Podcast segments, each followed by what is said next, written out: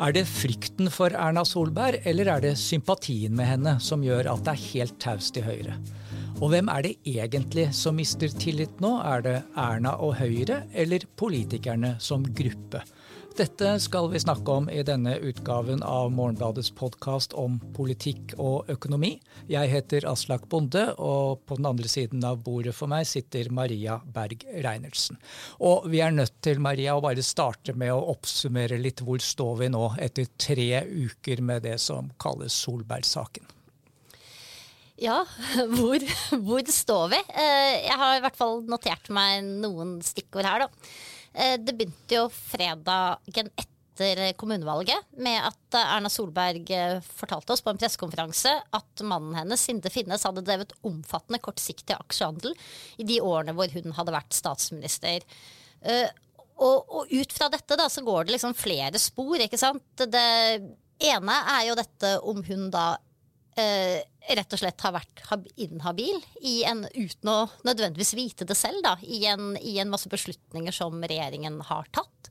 Eh, og det kan jo i verste fall da, bety at en del av disse beslutningene er uh, ugyldige. Og du har et løp nå med f.eks. en konsesjon som Hydro og Lyse kraftverk og Lyse Energi har fått å drive kraft, som motstanderne av at de fikk den konsesjonen, og prøvde å få kjent ugyldig og få, kanskje få tatt opp beslutningen på nytt. ikke sant? Så det, det, det er det ene sporet bortover. Det andre sporet er jo om Sinde Finnes da, har sittet på innsideinformasjon når han f.eks. veddet på børsnedgang rett før koronanedstengninger.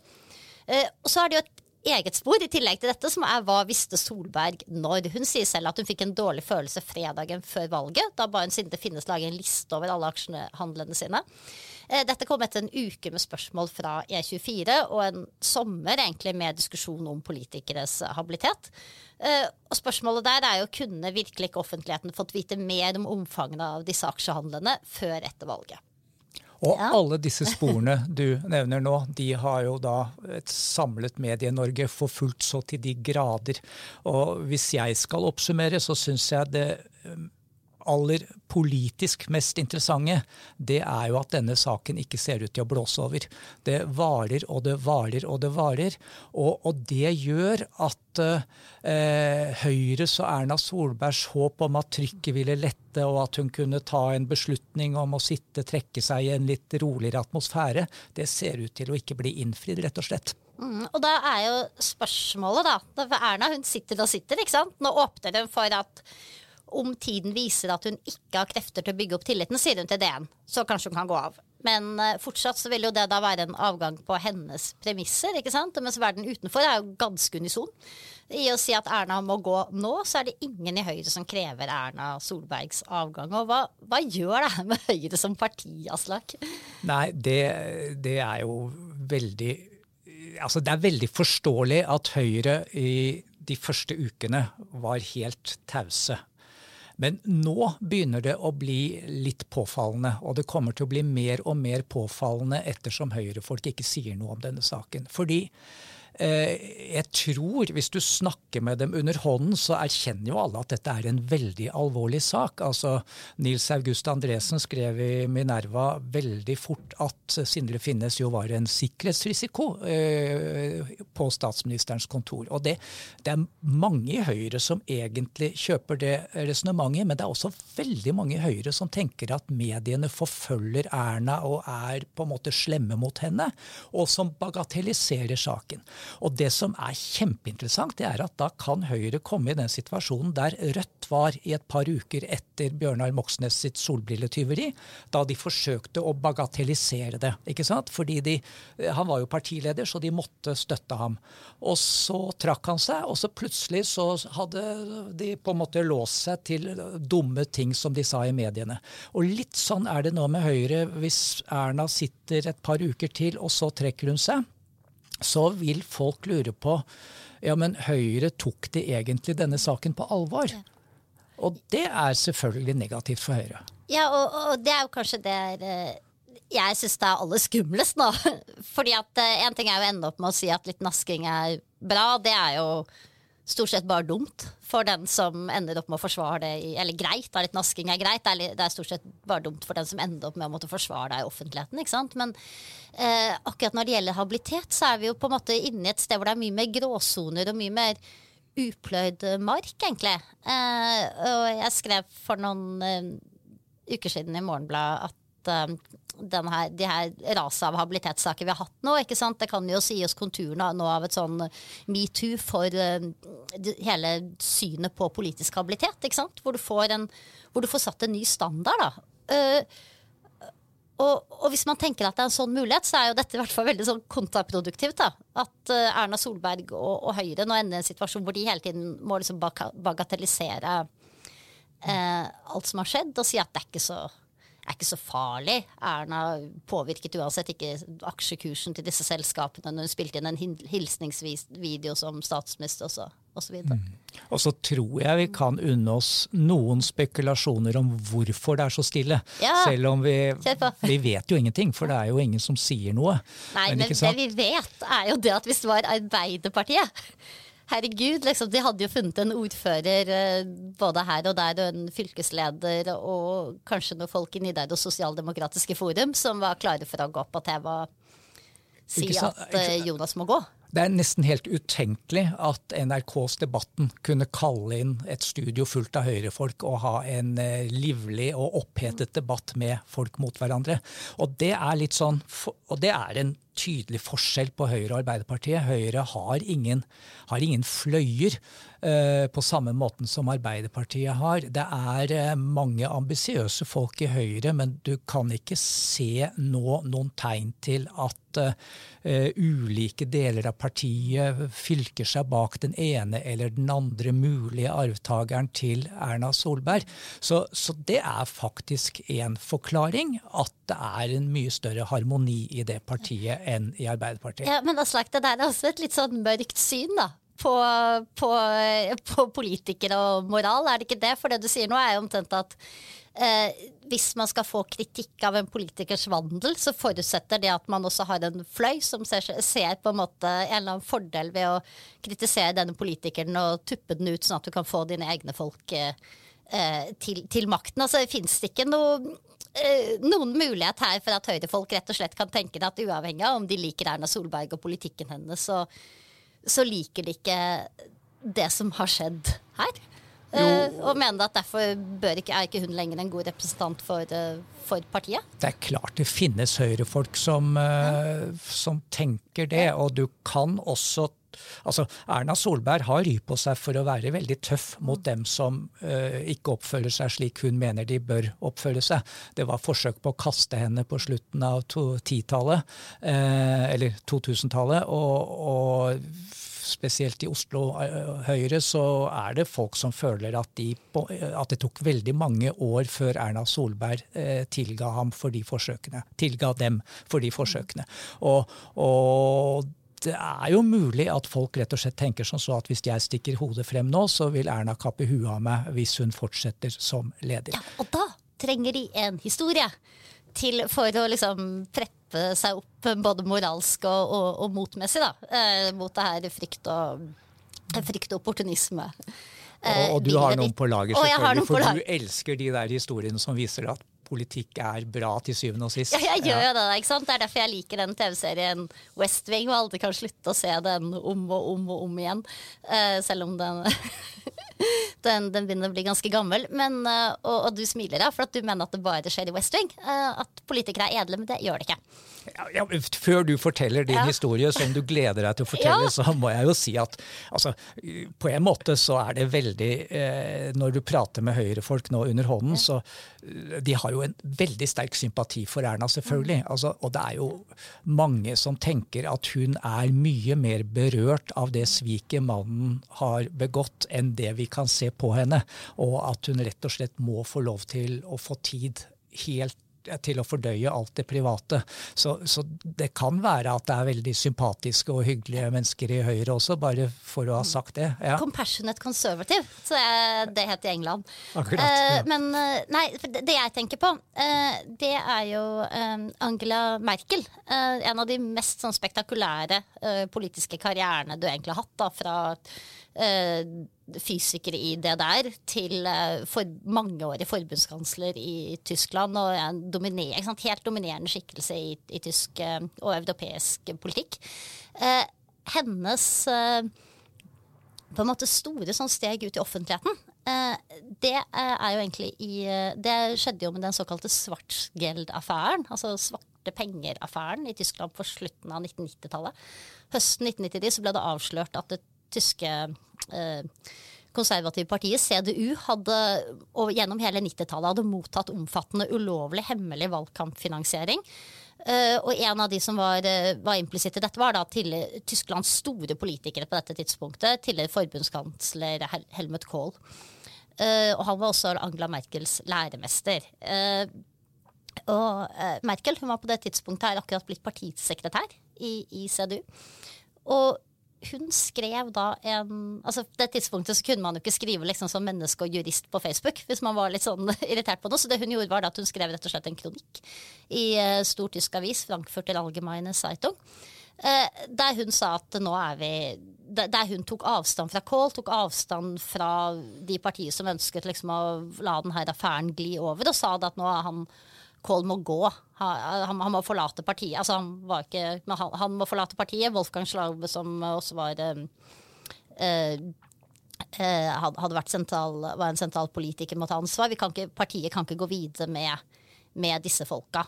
Um, og her tenker jeg det fins en, en, altså det fins rett og slett Hvis det er noen høyrepolitikere som skal føle seg kallet, da, så er det egentlig bare å ta copy-paste på, på, sitatene. Den ene som skriver en kronikk på alltinget.no, ja. eller i Morgenbladet ja, kanskje, og, og, sier at uh, nå er det på tide å Ja, for, for, for altså, Situasjonen er ulik, da, men argumentet er veldig likt. ikke sant? Da hun skriver Det handler om Kohls troverdighet, det handler om troverdigheten til CDU, det handler om troverdigheten til politiske partier som helhet. Mm. Og, nettopp, og, og, da kommer vi litt inn på tillit. ikke sant? Mm. Altså hun, hun, dro fram tillitsargumentet. Mm. Vi er nødt til å reagere, ellers så mister vi tillit. Mm. Og det er, det er på en måte det overordnede Altså vi har et spektakulært drama knyttet til Erna Solbergs mm. ettermæle, posisjon og til hennes privatliv. Men det er også et alvor over denne saken som på en måte er enda større, nemlig at den antageligvis bidrar til å svekke tilliten til, til Høyre og til Erna, men kanskje også til politikere som gruppe. Og, og, her må vi med en gang si at det å måle tillit, det er kjempevanskelig. Og jeg vet ikke hvor mange ganger journalister har sagt at tilliten er svekket. Og, og, og det er jo klart at man, det går veldig opp og ned. Og, bare et sånt spørsmål har du tillit, har du ikke tillit, det er litt sånn det er, det er, litt for løst, rett og slett. Men vi må anta at eh, det som skjer nå, det fører til at tilliten svekkes til i hvert fall Høyre og til Erna, men kanskje også til politikerne som gruppe. Og her er det en god del interessante ting å snakke om. Ikke sant? Fordi eh, når kom egentlig forestillingen inn om at alle menneskene i dette landet skal ha tillit til alle politikerne. Det er en ganske ny forestilling. Ikke sant? Altså, uh, i, i gamle dager så hadde arbeiderpartifolk tillit til Arbeiderpartiets ledelse. Og Høyre-folk hadde tillit til Høyres ledelse. Eh, det gjorde at man på 50-tallet kunne ha utstrakt vennskapskorrupsjon, som det heter nå. ikke sant? Altså Einar Gerhardsen sørget for at det var Arbeiderpartifolk inn i de fleste toppstillinger. Og ingen, altså alle i Arbeiderpartiet, tenkte dette var helt riktig. Fordi det var jo eh, en samfunnskamp. Det var et spørsmål om å bemanne alle posisjoner. Tilsvarende kunne Kåre Willoch få lønn av Industriforbundet og Rederforbundet mens han satt som stortingsrepresentant. Og det, det, var jo helt hårreisende sett med dagens øyne, men på den tiden så var absolutt alle i nærheten av Høyre innforstått med at det var jo et fornuftig valg, for han kjempet næringslivets sak, og det var Høyres rolle.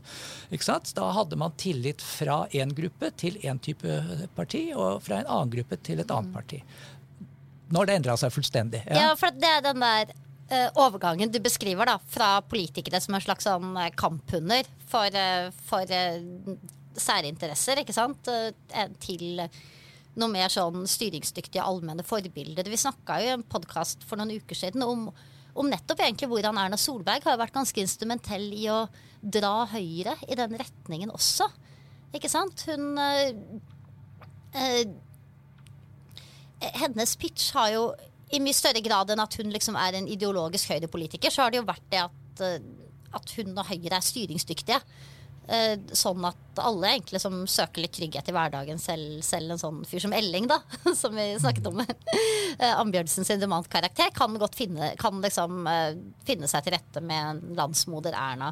Ikke sant? Og det er noe med hvordan politikerne blir likere hverandre. Og, og, det er jo hva som er årsak og hva som er virkning her, er veldig vanskelig å si.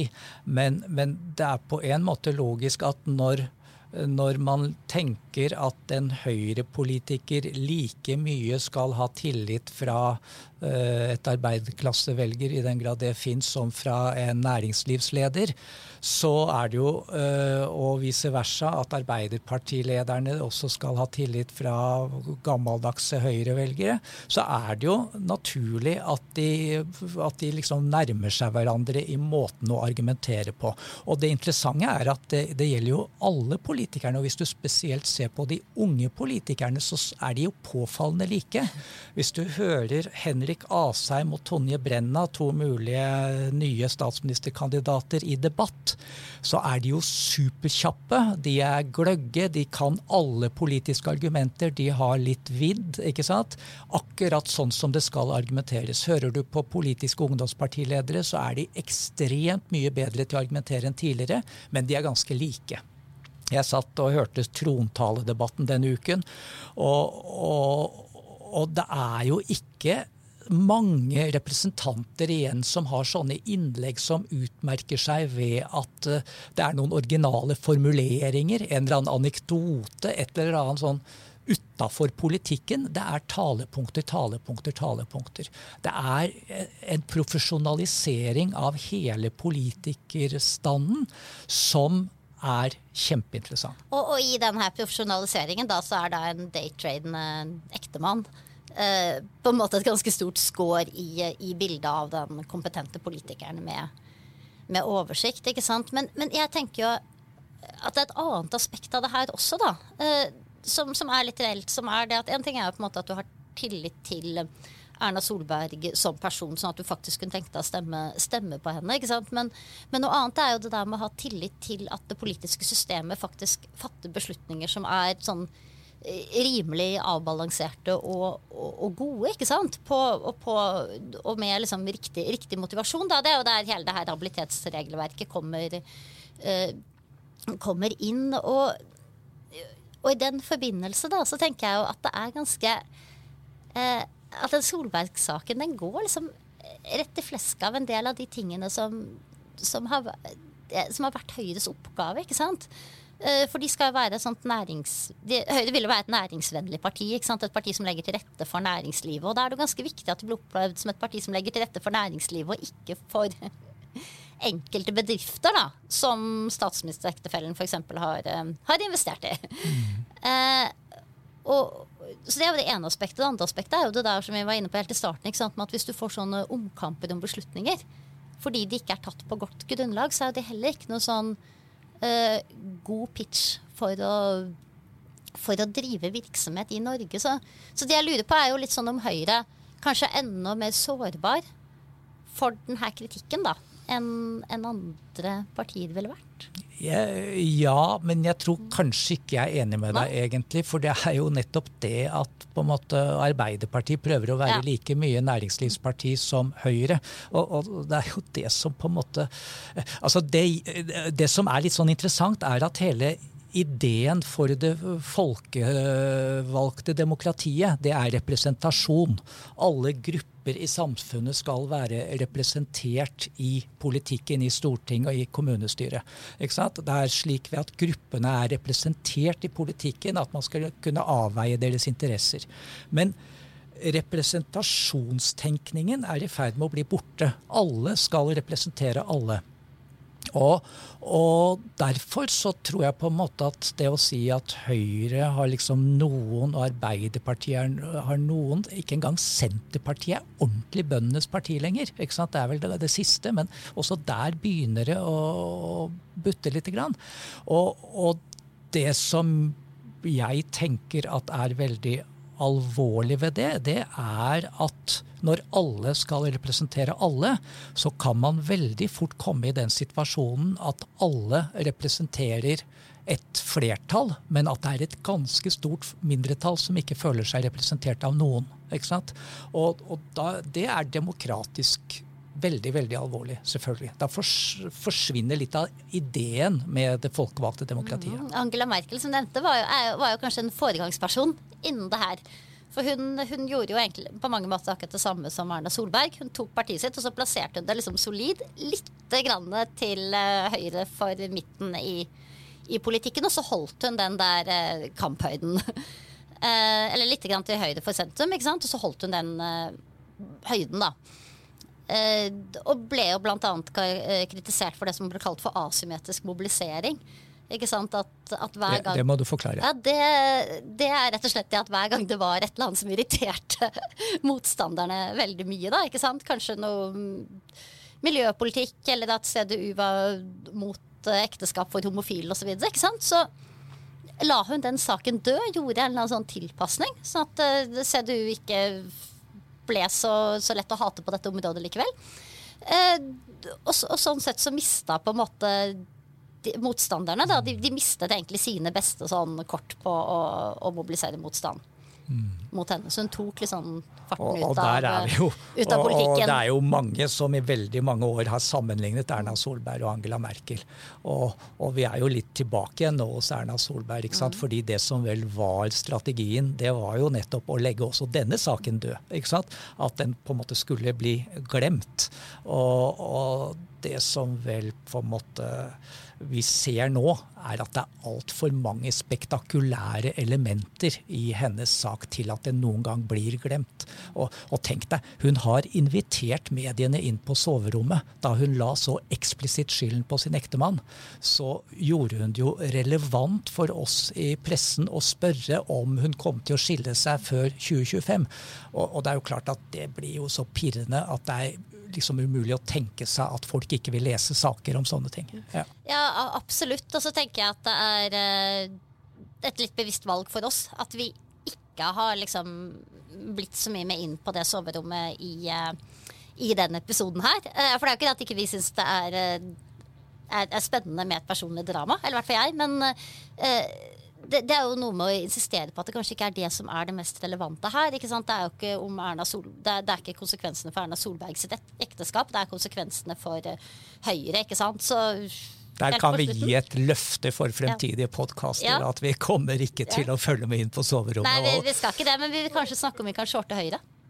Ja, det, ikke sant? Det er spilling nå på om Erna går, så Spørsmålet er altså om Sindre sitter der og shorter. Er det det du vil frem til? altså jeg mener jo shortsalg kan være nyttig. Da, for det er jo en slags ventil du har. hvis du, For de som mener at et eller annet produkt i markedet er overvurdert, så kan du sette pengene dine på å sende et signal til markedet om at eh, dette bør gå ned. Du, Det resonnementet forfølger vi ikke. Nå takker vi produsent Markus Slettholm og ansvarlig redaktør Sun Heidi Sebø. Og så minner vi om at hvis dere fortsatt finner oss eh, via eh, feeden til eh, bokpodkasten eller filmpodkasten, så har vi nå vårt eget hjem. Det er mulig å finne oss på vår egen feed der hvor du hører på podkaster.